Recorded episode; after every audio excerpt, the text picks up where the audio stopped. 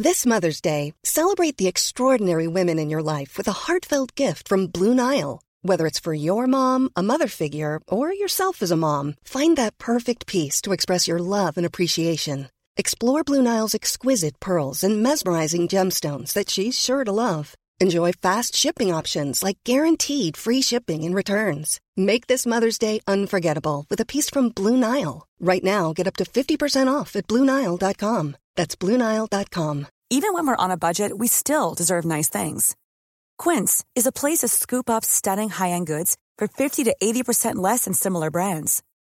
They have buttery soft cashmere sweaters starting at $50, luxurious Italian leather bags, and so much more. Plus, Quince only works with factories that use safe, ethical, and responsible manufacturing. Get the high-end goods you'll love without the high price tag with Quince. Go to quince.com slash style for free shipping and 365-day returns.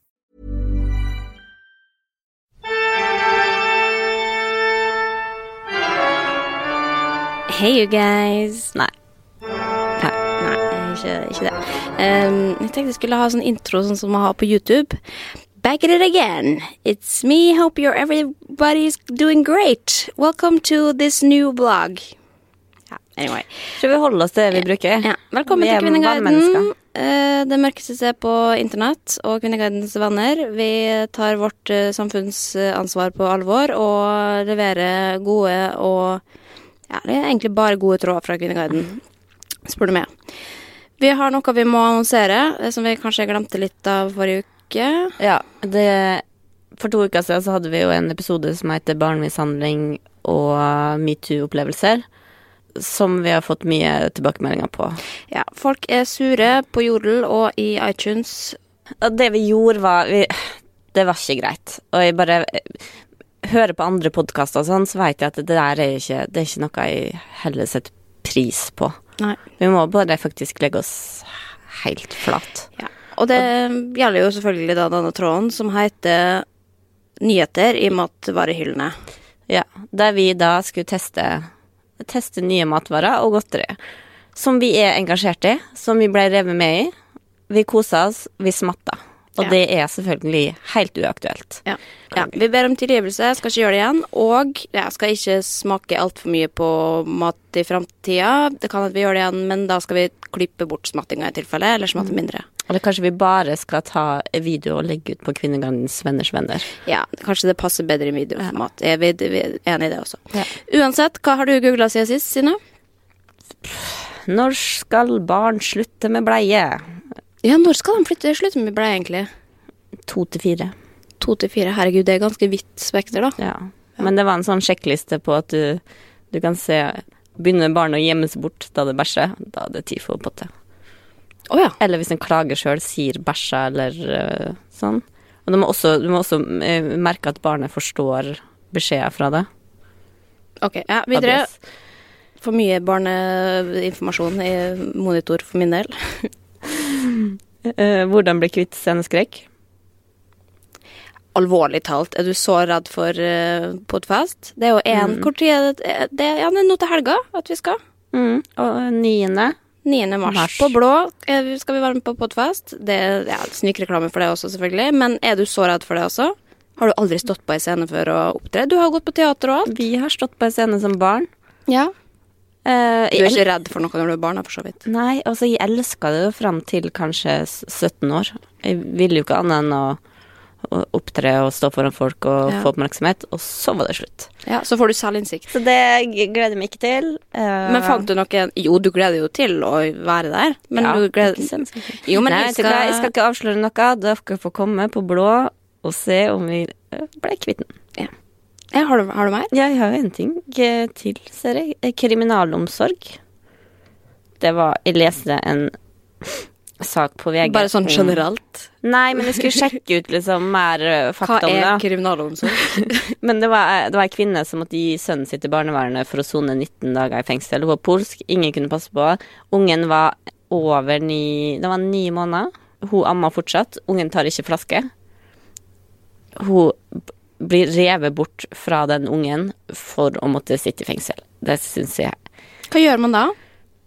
Hva gjør man med ungen? Barnevernet tar den i 19 dager, da. unge på ni måneder blir Eller litt over ni måneder, for at grensa er at du slipper å sone hvis ungen er under ni måneder, fordi at ungen må ammes. Oh, ja. Og så skal, hvor, hvorfor har de kommet frem til at ni måneder er grensa der, liksom? Har du noen gang skrevet kronikk, du? Skal få Det Kanskje dette blir den første? Ok, Vil du høre min Google-liste? Eh, Ja. Jeg har googla Oscars 2019. Hva er det? Oi, Oscar. Ja, det var det første jeg gjorde på, på mandag for å se. Jeg tror jeg har sett eh, 90 i hvert fall av alle Oscar-filmene som var i år. Og Gratulerer. var veldig fornøyd med utfallet av det, må jeg si. Eh, jeg har googla Sondre Lerche Bad Law. Nå savner jeg Sondre også. Men du googla den for å s- Ja. se den? for jeg pleier å gjøre det når jeg, er- når jeg savner den, så pleier jeg å gå på YouTube og se. For nå har jeg vært, hva da? Seks-sju uker uten han, eller noe sånt. Ja. Hva Ja, skulle du si? Nei, bare Jeg jeg setter ikke på eh, Et gammelt NRK-opptak. Jeg setter ikke på radioen hvis de savner Vebjørn. Nei, men du er ikke borte fra den i sju uker heller, da? Og så har jeg googla Live Aid Queen. Um, har du sett Bohemian Rhapsody? Nei. Jeg har ikke sett kino siden vi var på kino for et år siden. Og så Tully. Og da var det mammafilm, selvfølgelig. Men Helt eh, forferdelig. jeg hadde jo Den siste på en måte jeg hadde lyst til å se som, av Oscar-filmene som var nominert, det var jo Bohemian Rhapsody. Og den, men den har jeg grudd meg til fordi jeg har hele mitt liv, av en eller annen rar grunn, hata Queen. Hvorfor det? Jeg har fått fysisk reaksjon hvis jeg hører en Queen-sang. Hva, hvor, hvor Nei, jeg veit ikke hvor det kommer fra, men det må være et eller annet traume. Um, og så, men så så jeg traileren, så tenkte jeg å, så elsker jo han Rami Malek som spiller hovedrollen. Som Jeg tenkte herregud, nå må jeg se den. Og så gikk jeg på lørdag aleine og så den. Og koste meg altså så mye. Jeg Likte musikken nå? Eh, nei, det, jeg har ikke satt det på på Spotify ennå, det tror jeg ikke jeg kommer til å gjøre heller. Men jeg fikk en annen liksom, forståelse av det, for jeg visste, visste egentlig ikke så mye om Queen. Og så sluttscenen er jo den Live Aid-konserten um, hvor han Rami gjør verdens kuleste performance, som er nesten helt identisk til den ekte Live Aid-performancen. Så jeg måtte se, gå og se den etterpå, å, og så så jeg da en video hvor de var lagt opp, eller ved siden av hverandre, som man kunne sammenligne. Ja. Og da er liksom all koreografi og sånn er helt lik. Veldig, veldig imponerende. Så det, Men det jeg skjønner jeg jo da jeg hører P3 musikkdokumentær på svensk eh, radio, Ja. så jo Jeg blir jo glad i alle artistene de tar opp. Ja, det handler jo litt Du- om hvis du veit vet bakgrunn ja, og historie og Vite historien og skjønne hvem de er, ikke bare musikken, liksom. For da, da får det et nytt, eh, en ny dimensjon. Anyway, uh, skravla går. Skal vi hoppe inn i kvinneguiden? Ja.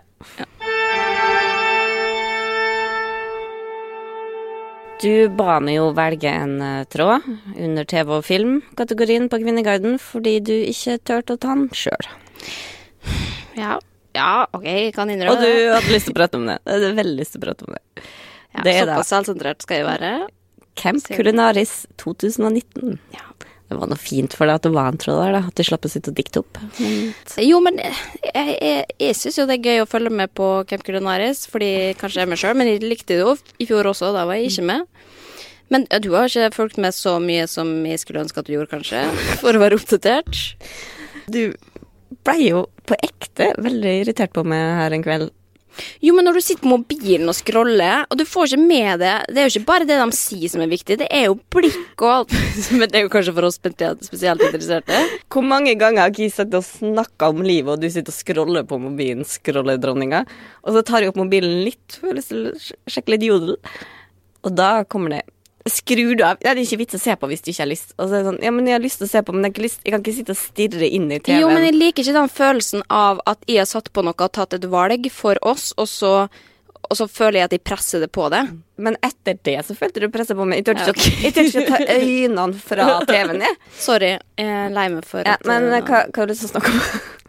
Nei, jeg har ikke lest tråden, så jeg vil at du skal Jeg vil at du skal si hva som eh, Hvis det er noe gøy der, da. Men jeg ser jo den ikke Du, så du, sendte, du sendte jo med Ja. noen linjer som du ville skulle si. Ja. Eh, hva, er, hva er Linneas oppfatning av programmet i sin helhet? Hvorfor er Linnea klippet nesten helt bort, og har Kjartan like sur i virkeligheten som på TV? Det var bare stikkord til det, sånn at du kunne ta den opp, men OK, det er greit. Så eh, det siste du spør om, er det faktisk eh, Nei, hva er greia med den sure og hissige kokken? Begynner å lure på om produksjonen har bedt han om å fremstå sånn, eller om han prøver å være en slags kopi av Gordon Ramsay. Ja, det, det stilte jo vi spørsmål om også underveis, fordi vi ble litt overraska over at han var så kjip. Jeg veit jo godt hvem Kjartan er fra før av, men han, er, han skrur jo på en rolle Å ja, skal du kikke på mobilen nå mens vi snakker om dette? Jeg fikk faktura fra Telenor, ble litt stressa. Nå lenger enn langt bort. Ja. Nei, det er ikke vits å snakke om dette. Du er faen ikke interessert uansett. Ok, men det jeg har lyst til å fortelle, da Fordi at nå er jeg så jævlig lei, fordi at jeg har sett, nå har jeg sett på alle episodene. Og for det første, ok, greit, jeg klippa bort, det er ikke så interessant, og det er helt greit for meg. Jeg sa ikke så mye uansett, fordi at jeg var lei av mye. Men det som jeg nå syns er urettferdig og kjipt, er at for det første, selvfølgelig, skjønner jo at når du er med på produ- produksjon, så blir det klippet i hjel og sånn, men det som i hvert fall skjedde den uka her, hvor vi da skal grille en 100 kilos gris, den har ikke du sett, men da kan du vite det, at den uka der, så klikka altså Kjartan Kjelde så fullstendig på oss uten grunn. Og shame Nei, fordi jeg vet ikke hva det var. Vi bare lurte på Står dette i manuset ditt, at du skal bli så sur nå? Fordi vi hva da, ikke hadde lagt opp um, den grisen. Og så kommer han da og nekter å smake på det vi har laga en gang, fordi vi ikke har lagt det opp fint nok. Og da er det snakk om å lete etter konflikt, men da har de klippa det ned til å se ut som at vi sitter der og blir sure for at han kritiserer oss på noe som egentlig er viktig. Og så, det som skjedde i etterkant, han ble jo så sur og grinete, eh, og jeg ble liksom bare provosert av det, fordi vi skal jo være der for å lære, liksom. Vi kan ikke alt, og da når du da har en prøvesmaking før selve eksamen, på en måte, så må vi ha konstruktiv kritikk. Da funker det ikke at han kommer og sier 'nei, jeg gidder ikke smake på det', fordi, dere har lagt det opp i, i, på feil måte, når ikke vi vet hvordan vi skal legge det opp. Men så går han da dagen etterpå, så skjønner han at han har gått over en strek, og da kommer han inn på kjøkkenet og sier 'sorry, jeg legger meg flat for det, det var urettferdig'. Det har de også klippa bort. Sånn at han står jo igjen som hederskokken, liksom. Jeg kan si mange Han fine hadde, bare, han hadde en dårlig dag på jobb, han. Jeg skal ikke begynne å konspirere rundt det, men da ble jeg litt sånn oppgitt over at vi da er med og lager et ordentlig matprogram. Vi var dritflinke å lage mat. Og så sitter vi igjen med liksom amatør-TV de luxe, hvor de bare lager det til, til situasjoner som vi ikke kjenner oss igjen i, eller eh, Ja, men det er jo ikke artig å se på TV der alt går bra. Nei, selvfølgelig ikke alt bra, men det er jo ikke gøy at de da lager da, drama som ikke eksisterer, lage egne historier for Ja, men sånn på- er reality. Jo, jo, men på bekostning av også matlaging. Når du da får 1% matlaging og resten er 99% konstruert drama. Det skal jo være et matlagingsprogram. Det er jo reality også, men det burde i hvert fall være 50-50, da. Ja. ja, det må du være enig i. Linnea er så sur hele tiden, Aksel skriver. Jo, men det er jeg. Ja, Jeg, det jeg, ser, jeg ser sur ut, jeg. Og, men, jeg er ikke, men jeg fikk jo spørsmål underveis men går det bra, har du det bra, liksom, fra dem i produksjonen.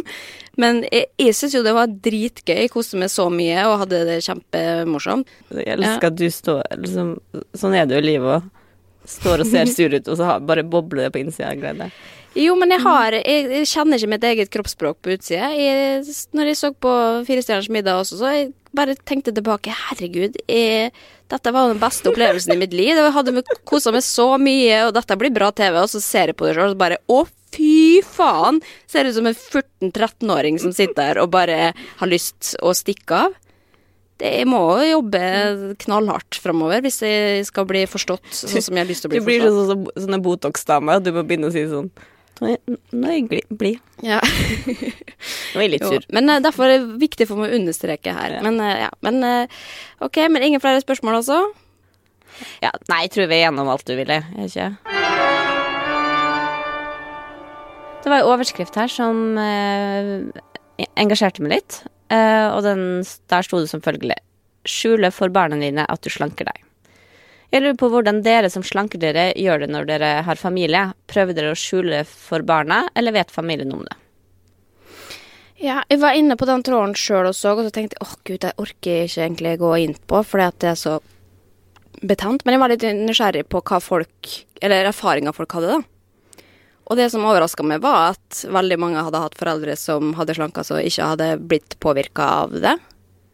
Som er egentlig liksom motsatt av det jeg har tenkt, da. Men, men jeg veit jo at all liksom, forskning og statistikk, holdt på å si, uh, sier at og dette har jeg sikkert sagt før også, men det kan, det kan ikke gjentas ofte nok, tenker jeg. Men det barn med positivt forhold til sin egen kropp har til felles, er at de har hatt foreldre som har hatt eh, lite fokus på eh, mat og vekt og kropp og slanking. Jeg har rett og slett hatt foreldre som ikke har slanka seg åpenlyst foran barna. da. At det er mye lettere da å få en positiv ja, et forhold til sin egen kropp, og ikke se på det som et slags prosjekt, men heller at det er en kropp som skal være funksjonell og ja, virke, da.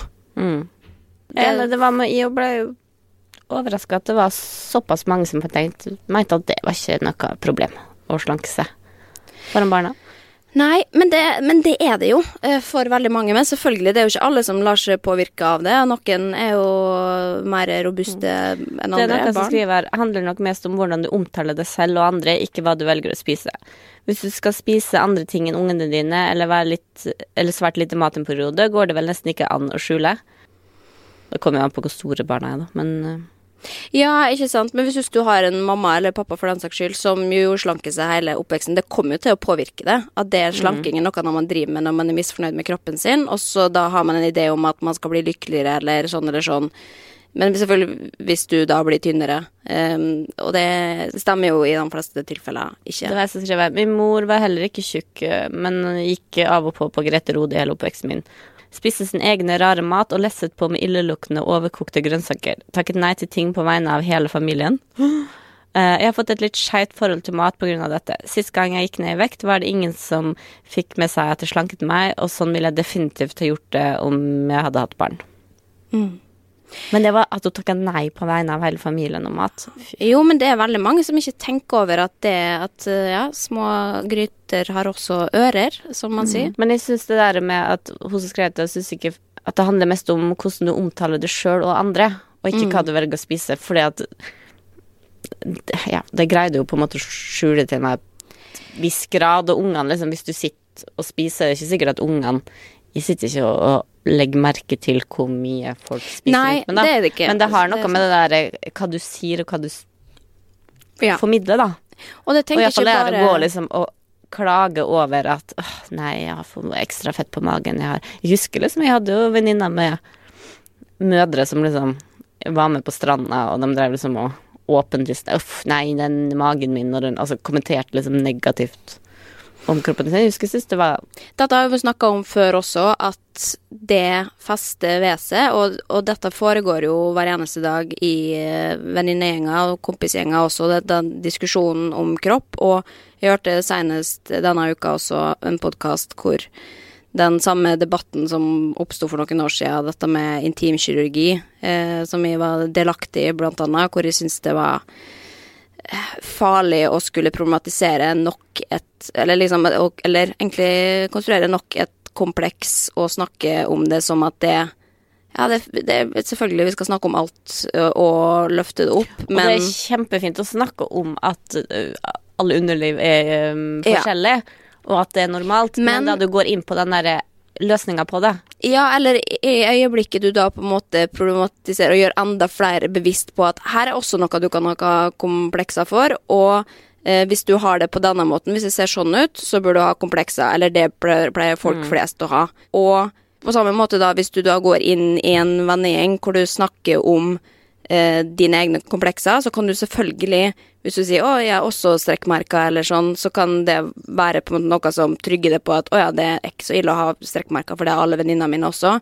Men hvis du begynner å og liksom skal, hvis du skal bruke veldig mye tid på å diskutere kompleks, jo... så kan jeg love deg at da eh, idet du går hjem igjen fra å ha møtt venninnene dine, så har du med deg flere komplekser enn det du kom inn med, fordi du har blitt bevisst på flere ting. Det har jeg opplevd masse sjøl òg. Liksom jeg hadde en venninne som klaga masse på at nesen var for stor. Var, da vi var forholdsvis unge, da. Mm. Og da har jeg aldri tenkt Jeg, jeg har sett at nesa er forskjellig størrelse og former, men jeg har ikke tenkt over liksom, at det skal være på en spesiell måte.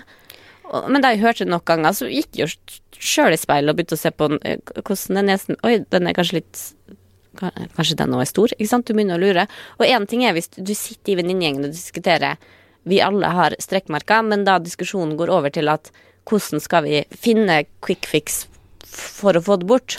Ja, jeg syns jo det er mye finere at vi kan da snakke om psykologien i det, og hva som at hva som skaper nye komplekser, istedenfor å liksom hele tida peke på nye ting, da, og som vi ser også at diverse bloggere sier plutselig at eh, å nei, og komplekser for her, her og deep hips og ting som Å ja, shit, skal jeg ha komplekser for det også? At du hele tida Og det ser jeg jo også, det er resultatet av denne podkasten, som vi trenger ikke liksom å gå inn på den spesifikt, men, men at det sitter bare enda flere jenter og tenker å ja, faen, mitt underliv også eh, er feil. Og når da den som snakker om det også sier så jeg måtte bare gå og operere meg, og nå er jeg så lykkelig etterpå.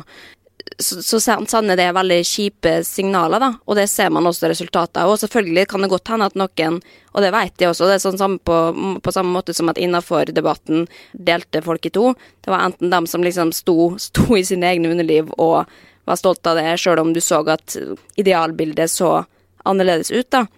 Og så var det dem som fikk et nytt kompleks av å få bli Ja. At det ble snakka om og løfta opp på den måten som det ble lagt, lagt opp på. Og det liksom føler jeg også at det er veldig mange sikkert som sitter og tenker å ja, så kult at man snakker om det og liksom kan være åpen og ærlig om det, og særlig hvis det er sånn som det var nevnt her, da, at det er et medisinsk problem, at det liksom er plagsomt, som selvfølgelig alle er enige om at hvis du har noe som er plagsomt, som fysisk eh, eller belastende, så skal man selvfølgelig få lov å fikse på det, men hvis det bare er Men ikke ta det i en diskusjon om komplekser, da. Nei, ikke sant?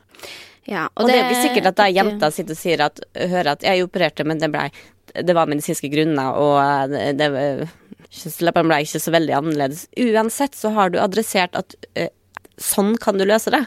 Jeg skulle likt veldig godt å vite hvor mange som sitter igjen etter en sånn historie, som er veldig personlig selvfølgelig, og tenker å ja, det er kun nyttig å høre, VS dem som tenker å ja, shit, enda et nytt kompleks, ja, da vil vel samfunnet at de skal fikse på det også. Eller tenke å ja, det er enda en løsning på Altså sånn Det er ikke mange år siden jeg hørte at å ja, er det en ting man også skal gjøre, eller kan gjøre?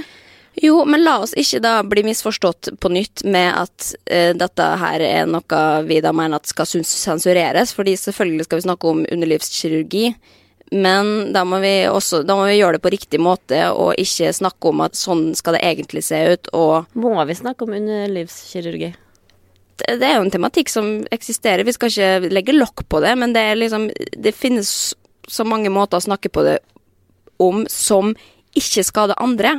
Jeg tror jo på at de unge jenter som sitter og lytter på podkast eller ser på Innafor og alt mulig, liksom er sterke nok i seg sjøl til å skjønne om man bør ta, ta en operasjon, rett og slett. Men samtidig så ser vi jo det at etter at Innafor også kom, det var en økning i eh, operasjoner, selvfølgelig privat, fordi at de fleste som tar disse operasjonene, trenger dem ikke.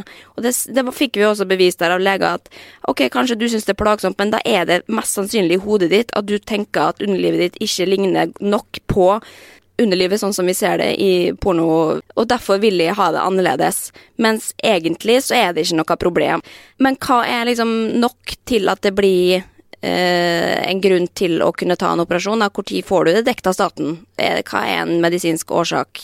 Ja, for et eksempel som ble brukt, var jo at det var eh, ubehagelig å gå i stringtruse. Og da tenker jeg jo litt sånn Ja, vet du hva, hvis jeg kjøper ei veldig stram bukse, eh, så er det ganske ubehagelig å gå med den hvis Ja. den er for trang, men det er jo ikke Er, er løsninga at de skal gå fettsuge i magen min, eller bør jeg da kanskje bare heller kjøpe ei bukse som passer til kroppsfasongen min? Jeg orker egentlig ikke ta den debatten der på nytt, men nå har jeg jo allerede gjort det, eller lagt opp til det i hvert fall. Men jeg, bare- jeg syns det er litt urettferdig å liksom nesten spille offer fordi du har tatt en operasjon. For det er ingen som hindrer det eller nekter deg å ta en operasjon. Er ingen skal shade det for å ha gjort det. Eh, folk må bare opereres i hodet og ræva, bokstavelig talt, hvis de ønsker det. Jeg kjenner faktisk en sånn fysisk reaksjon på det vi snakker om der, at det blir liksom Får du vondt i kjønnslappene? Nei, men jeg blir liksom jeg blir, Men jeg blir oppriktig liksom lei meg for å tenke på unge jenter som sitter der ute og har det liksom fælt med utseendet sitt. Som har Som går rundt liksom og tenker Har du tårer i øynene? Ja, jeg blei skikkelig lei meg, men tenk, tenk liksom unge jenter som vokser opp. Det er sikkert sånn morsgreia mi. Ja, Men men, jeg eh, tenker liksom Som sitter der ute og bruker så mye tid og energi på å føle seg dårlig av utseendet sitt. At det er det som skal liksom oppta hjernen til unge, pene, egentlig friske jenter, liksom. Det er jo en hel generasjon som sitter og gjør det nå, og vi, vi nører jo opp under det ved å da bruke ja, tid på det, da. Løsninga er for å få det bedre er, med seg sjøl, er ikke operasjon. Nei, og det vet vi. Og det veit vi også at ble kommunisert i den podkasten, så det er ikke det at vi, vi, sier at det bare er gjort eh, feil her, men eh, det er flere nyanser også. Eh, flere perspektiv, og det, dette er vårt. Jeg sitter liksom på tåret, for jeg begynte liksom Tenk jeg skal oppdra jo, men et barn. Jeg tror det kommer til å gå helt fint. Det er en kategori som eh, vi kanskje ikke har viet like mye tid og krefter på som vi hadde Eller som vi kunne ønske, da. Eh, som rett og slett er mat og drikke. Der er det mye godt stoff. Eh, her har jeg funnet en som heter Taco sju pers. Mm. Jeg skal lage taco til sju pers. Har kjøpt 1,6 kilo kjøttdeig, tacosaus, løk, mais og lefser er ordnet. Men hvor mye, skråstrek mange, trenger jeg av dette? Rømme, agurk, tomat, ost, salat, Holder en helt isberg? Hvor mange poser reven ost trenger jeg? Holder en hel agurk, eller må jeg ha to? Hvor mye rømme trenger jeg? Og så videre. Og tenker sånn, her må det jo være null svar. Nei da, her er det veldig mange med innspill. Det er fint. Og folk eh, altså ramser opp eh, hvor mye de ville brukt, da. Jeg ville ha stekt 1,2 kilo kjøtt, og så videre, og så videre. Men uansett, da, det er noen som da selvfølgelig eh, også lager, greier å lage problem her. Um, det er, hun lurte jo ikke på kjøtt, da. Hun lurte på agurk og isberg. Ja, ja, ikke sant. Det, det, er jo mange tilbakemeldinger. Folk er uenige, men det er noe som da stiller spørsmålet Vet du om alle spiser rømme? Det er jo dumt å kjøpe to-tre beger med rømme, så er det bare to som spiser det. Og da er det da en som mimrer tilbake til for tre år siden, for da var det en som spiste opp en hel boks rømme alene. Eh, så jeg er redd for at Oi. to ikke er nok, da. Så det er jo liksom Det er mange ting som kan slå inn her. Men jeg kjenner meg igjen. Jeg var sånn, Hvis jeg inviterer på taco og skal ha til mange Vi har jo ofte gjort det at vi har vært eh, sju-åtte stykk på fredagstaco av mine venner. Da er jeg livredd for at det skal bli for lite. Og da kjører jeg på med to isberg og fem agurker og alltid har veldig mye igjen, da. Og det er jo dumt, selvfølgelig. Jeg skjønner jo egentlig Ja, jeg, jeg syns det er vanskelig problematikk. Altså er det, Hvor mye er det voksne personer? Er det barn? Er det mann? Ja, det er mange er det ting kvinner? som Det der var Ja. Men eh, nok, ja, det er noen som skriver eh, at de bare hadde brukt ei lefse da, på åtte personer nå nylig. Og da var det noe som ble At folk bare skulle få ei lefse? Ja, og de hadde én pakke med lafse på åtte, åtte lafser, og så én pakke med skjell, da. Og den var sju? Når den var åtte var personer? åtte. Ja, og da var det skrevet Og vi hadde mye kjøtt igjen. Det var rester av rømme og ost. Og da er det noen som svarer Det var nok fordi ingen hadde verken noe å ha kjøtt, grønnsaker eller rømme eller ost på. Du kjøpte jo altfor lite Rutillas og tubes. Ja, men det er sant. Det er viktig å ha nok tubs og lefse, fordi at da kan du Det blir jo alltid litt ulikt, da, men hvis du fortsatt er sulten Ok, så i den siste så blir det kanskje ikke så mye kjøtt, da, men da blir det mer salat. Altså at man Ja. måtte bruke opp, da, men at man forhåpentligvis blir ja, men det er jo det jeg er litt redd for å gå på tacobesøk til andre, fordi jeg syns at de har så lite ting. ja, jeg, men jeg tenker at det er derfor det er fint å lage taco sammen, da. Invitere et på en, en time før, og så kan man Eller gå på butikken, som vi pleier å gjøre også. Vi møtes på butikken, handler inn, så veit man hvor mye man skal ja, ha. Hvor mye agurk bruker du? Ikke sant? Hva liker du, hva foretrekker du? Ja, Det er i hvert fall mitt innspill til dette, denne problematikken. Veldig viktig problematikk på Men kundeverden. sju stykker på butikken for å kjøpe taco høres jo litt kaos ut, det. Ja, det er faen meg sant. Nei, det, det, blir ikke, det finnes ikke noen god løsning på dette, men eh, kommunikasjon er alltid viktig. Lag en Ja. tråd på Facebook, da, og spør. Ja.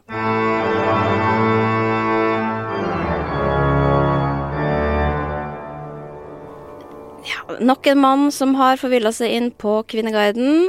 Overskrift 'Liker dere damer småbiting i klitoris'? Apropos underliv. Hei. Hei, jeg elsker å gi oralsex og synes det er mer tennende å suge på klitoris og kjønnsleppene enn å slikke med tunga opp og ned. Får også bedre respons når jeg har gjort det. Hvordan er det med veldig lett småbiting på klitoris mens vi har den inni munnen? Liker dere at vi suger hardt på den, eller forsiktig? Er det godt når man blåser på den? Dater ei jente nå og ønsker at vi skal ha sex for første gang sammen, eh, og at jeg da kan eh, overraske henne med serieorgasmer. Liker du biting på klitoris? Elsker det. Ja. ja. Gå for det. Gå for det.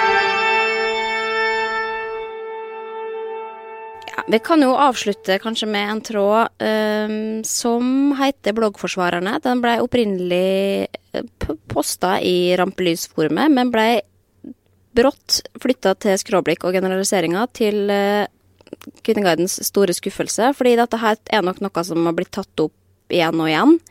Uh, jeg har bare lyst til å forklare litt generelt egentlig hva tråden går ut på, for den, den, den er ikke så Overskrifta er ikke så informativ.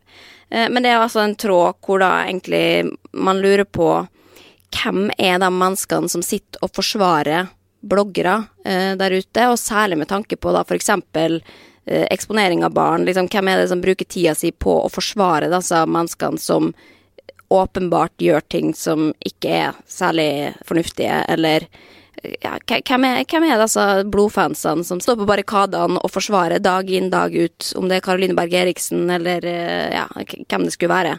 Og det er liksom ref litt uh, den episoden om uh, ja Nyheter i butikkhylla?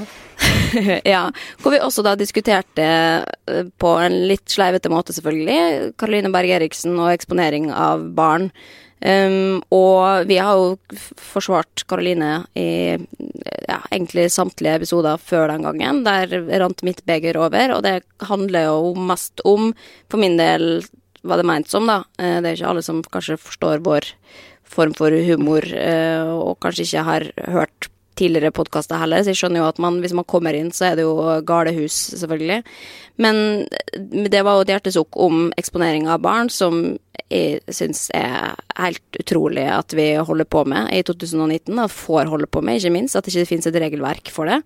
Og at det var et godt eksempel på her har vi kryssa en grense, og det var jo virkelig ikke alene om. Og det grunnen til at vi snakka om det, var jo fordi Kvinneguiden var enig. Mm. Uh, men det er jo likevel noen også som sitter på Kvinneguiden og ja, forsvare og si at jo, men la dem få lov å gjøre som de vil, og, og sånn. Um, og så kan man jo da stille spørsmål hvem er de menneskene, hvorfor sitter de der, på en måte, når Ingen kan jo dokumentere at uh, eksponering av barn er positivt eller ufarlig, uh, så hvorfor gjør man det? Hvorfor skal man forsvare noe som åpenbart er feil? Um, hvis de ikke gjør det sjøl engang, holdt på å si. Altså, de, de fleste bloggere bare dodger jo den debatten uh, fordi de veit innerst inne at kanskje de leker med ilden, da. Um, og bare ref, liksom Anne-Britt den, de siste ukene nå med denne boka som ja, jordskjelvet. At grunnen til at hun kanskje legger ned bloggen også, vi får se om det den faktisk legges ned, men er jo at barna har fått Det er flere mammabloggere som har lagt ned bloggen og kommet tilbake, så Ja, ikke sant. Eh, jo, men altså at, at, barna har fått trusler, da. Eh, og skal det liksom et, det, Hvor langt må det gå før mammabloggere innser også at det kanskje kan være farlig. Det er selvfølgelig, det er jo sikkert ikke farlig for alle, men, men Og at det er en belastning for barna. Ja, ikke minst det. Um, men, men, hva tenker du om liksom dem som da sitter og bruker mye tid på f.eks. For forsvare eksponering av barn? Nå så vi jo det på det Funkygine skrev jo et blogginnlegg som var jo retta til oss. Jeg er jo ikke helt enig i at uh, mobbing var et veldig stort tema her. Det handla jo egentlig mest om eksponering av barn, men det blei vinkla på en måte som ja, gjorde at vi så ut som mobbere, og det kjenner vi ikke helt igjen i. Men uh, like, Og da ser jeg jo under det blogginnlegget at da er jo alle enige med henne, selvfølgelig, men det er jo fordi de får høre hennes historie, uh, som er halve historien, basically. Hun har ikke konteksten.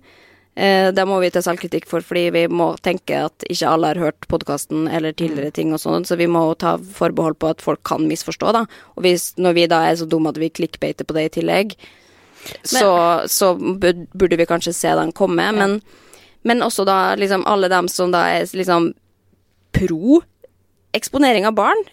Jeg fatter ikke det. At det er liksom Og Nei, hvem er det, som sitter og bruker masse tid på å tenke at, og si at ja, men dette er, dette er det riktige, og la, la, folk være folk, liksom? Eller er, det, eller er det bare at de liksom liker bloggerne så godt at de er med på hva som helst? At de bare liksom er nikkedukker? En av grunnene kan vel være fordi at det er folk sjøl som eksponerer barna sine mye i sosiale medier. Og tenker da at, at det er greit. Og ja, blir, det at det er kanskje litt sånn som Funkygine fikk en sånn derre hun, hun, følte seg truffet, da. Eh, fordi at hun eksponerer barna sine så mye som hun gjør. Og Derfor kommer hun opp og drar mobbekortet på oss med en gang, som jeg syns er feil bruk av uh, ordet definisjonen mobbing, men det er jo en annen sak. Eh, men det jeg tror er jo også at jeg kan liksom skjønne litt Hvis du er Hvis du stemmer på et parti, da, er lett å liksom tenke at alt det de står for, det partiet står for, det står i og for. Funkingen er jo ei kul, smart, oppegående dame. Ja, ja. Og jeg, jeg skjønner jo at liksom Hvis du følger bloggen hennes, da, så er hun et forbilde. Da blir du liksom Da hun som er så oppegående, mener noe, siden du er den du er, Mm. eh, så tenker jeg at da er jeg enig med deg. Ja, og da vil jo støtte hun, og da ser man jo selvfølgelig at hennes kommentarfelt er fullt av støtteerklæringer. Det skulle man jo bare mangle, liksom, når de dem som leser bloggen hennes, er ja, fan av henne, liksom. Og, men som da kanskje ikke har sett den andre sida av historien, på en måte. Kanskje ikke har lest det blogginnlegget som jeg svarte på, da. Hvor man da kan få et nytt perspektiv, som jeg, jeg syns er nødvendig. Ta, jeg tar kritikken, jeg, også, på alvor. Hva er kritikken Jeg tar, jeg tar det på alvor at vi er uenige i det. Ja. Sjøl om jeg sitter jo på min høye hest, kanskje, og føler at jeg har rett i dette med barn og eksponering, eh, mens hun har en annen syn på det, og det må jeg akseptere og respektere, at vi er uenige om de tinga, sjøl om jeg er enig med henne på masse andre områder, de fleste sikkert, bortsett fra det med barn. Og vi har diskutert Funkygine, VS fotballfrue, tidligere også, at hvorfor er det sånn at vi aksepterer mer fra Funkygine enn vi gjør fra Karoline? Hvorfor er det sånn at Karoline får stadig nye tråder hvor det kun handler om barneeksponering, mens med Funkygine så er det ingen som bryr seg, liksom. Hun, La hun gjøre hva, hva hun vil. Fordi at hun kanskje har andre verdier som folk på en måte veier opp, da, så da gjør det ikke noe. Ja, og så eksponerer de barna sine på to forskjellige måter, da. Ja. I Karoline sitt univers så er det jo pent og flott og prinsesser og blonder. Mens Funkygine har kanskje mer liksom Barna er med, det er hverdagssituasjoner, og det er Ja. liksom et litt mer rotete frokostbord og sånn. Det vil jo ikke si at det er mer ok å eksponere barna sine hvis det ikke er i en fin pynta katalogsituasjon. Jeg syns det er helt ko-ko at ikke vi har et, et liksom regelverk, eller et eller annet, i hvert fall en veiledning, hvor vi kan, som vi kan lene oss på, istedenfor å bare ta og tenke sånn Ja, men dette er sikkert det, det riktige for oss. Det det er et nytt territorium som vi må vi trenger veiledning på å vite hva som er rett og galt. Selvfølgelig, Vi har ikke sett konsekvensene av det, men vi har jo begynt å se noen. Vi har sett Anne-Britt sine datter bli trua, og vi har sett eh, mamma til Michelle som vurderer å sette dattera på privatskole fordi at hun har blitt så kjendis. Så det er jo, det er jo tydelig at det er, liksom, det er noen konsekvenser, det- i hvert fall i offentlig sammenheng. Nå skal ikke liksom snakke på liksom eh, private Facebook-konto og Instagram og sånne ting. Det er en annen viktige med å skille med at det er ikke sånn at de sitter og tenker at det er ikke skadelig for et barn at det blir lagt ut et bilde. Nei, nei, nei. Eh, Jeg har sjøl lagt ut bilde på Instagram av min datter, Ja. med den, mine få følgere, liksom. Ja. Det kommer bilder av barn på nett fordi at vi deler så mye som vi gjør. ja. Det som er skummelt det barnet vokser opp liksom, og ser at hele barndommen sin har blitt delt med alle som har lyst til å lese om den i Norge. Ikke sant. Og så er det da bare sånn Jo, men barna har lyst, og de syns det er gøy, og bare sånn Ja, det gjør de sikkert, men hvis du skal tenke langsiktig på det, da, så er det ikke sikkert at de barna syns det er like kult igjen når de blir 14 år. Det kan godt hende at når vi er åtte år, sier ja, men legg ut det bildet da, mamma, og så er det sånn ja, ok, det er snakk om ett bilde, men hvis du snakker om da tu tusenvis av bilder hvert eneste år, da er det på en måte en helt annen snuprosess, og da slette det bildet hvis du angrer på det, eller Vet ikke hvor det bildet havner. Nei, det, det er også et veldig viktig moment. Men for å dra det på en måte litt tilbake igjen til det der vi starta, da. Altså, det blir jo en, en debatt her også inne på den tråden, og jeg kan jo ofte tenke at når jeg sitter på internett og leser om det er på Jodel eller på Kvinneguiden, og jeg leser altså veldig lite konstruktiv tilbakemeldinger på i en viktig debatt, så kjenner jeg at jeg blir litt sånn åh gud, dette gidder jeg ikke forholde meg til. Eh, hvis man da leser ting som er urettferdig, så vekkes det en rettferdighetssans i meg som gjør at jeg liksom, dette har jeg lyst til å si at er urett. Dette stemmer ikke, for det første. Dette er negativt for debatten og for alle andre. Dette er falskt, dette er bla, bla, bla. Og så kommer jeg og sier de det, og så blir det bare at folk sier 'hold kjeften din, eh, hore', liksom. Og da mister man jo lysten til å bidra i debatten for å kunne si noe som er viktig for debatten, da. Um, og derfor har jeg liksom lært meg etter hvert at ja, men da gidder jeg ikke delta, for det er ikke vits uansett hva jeg sier. Men jeg fant en viktig kommentar med tanke på debattklima og sånn, fordi man kan tenke at det er håpløst og ikke vits, og at man blir bare overkjørt uansett og alt. Og det er derfor vi bør egentlig trå til å være mer aktive i det. Og som en på Kvinneguiden da skriver, la meg lese opp dette, for jeg synes det er fint. Nettet er blitt vår offentlige debattarena, enten diskusjonene foregår på Facebook, Twitter, i avisens kommentarfelt eller på Kvinneguiden. Alle disse stedene preges av økt polarisering, synkende saklighet og enkelte åpenbare tilløp til trolling og annen gjennomført kvarulant virksomhet. Men hva gjør vi med det? Skal vi slutte å diskutere saker på alle disse foraene fordi vi blir holdt kollektivt ansvarlige for å ta del i ukultur? Hva skjer med den offentlige debatten da? Skal vi bare delta i diskusjon på nett hvis vi går inn i dueller med de verste trollene og haterne, for ellers viser vi ikke nok selvinnsikt og tar ikke nok avstand? Skal polariseringen dermed overta hele styringen og legge rammebetingelsene for hvordan debatt i offentligheten føres. Mitt standpunkt er i hvert fall at hvis man mener at en sak fortjener kritisk fokus, så bør man delta i debatten på så renhårig, saklig og kritisk vis man kan. For hver saklig debattant som ignorerer forsøk på å fyre opp, polarisere og avspore en debatt, blir debatten litt mindre preget av trolling og hatefulle ytringer, og litt mer viktig og relevant. De som mener at en debatt er viktig å ta, men melder seg ut fordi de innbiller seg at enkelte av deltakerne i debatten har nedrige motiver for å delta i den, de er selv medskyldige i at usaklige debattanter får overta ikke bare én aktuell debatt, men hele offentligheten.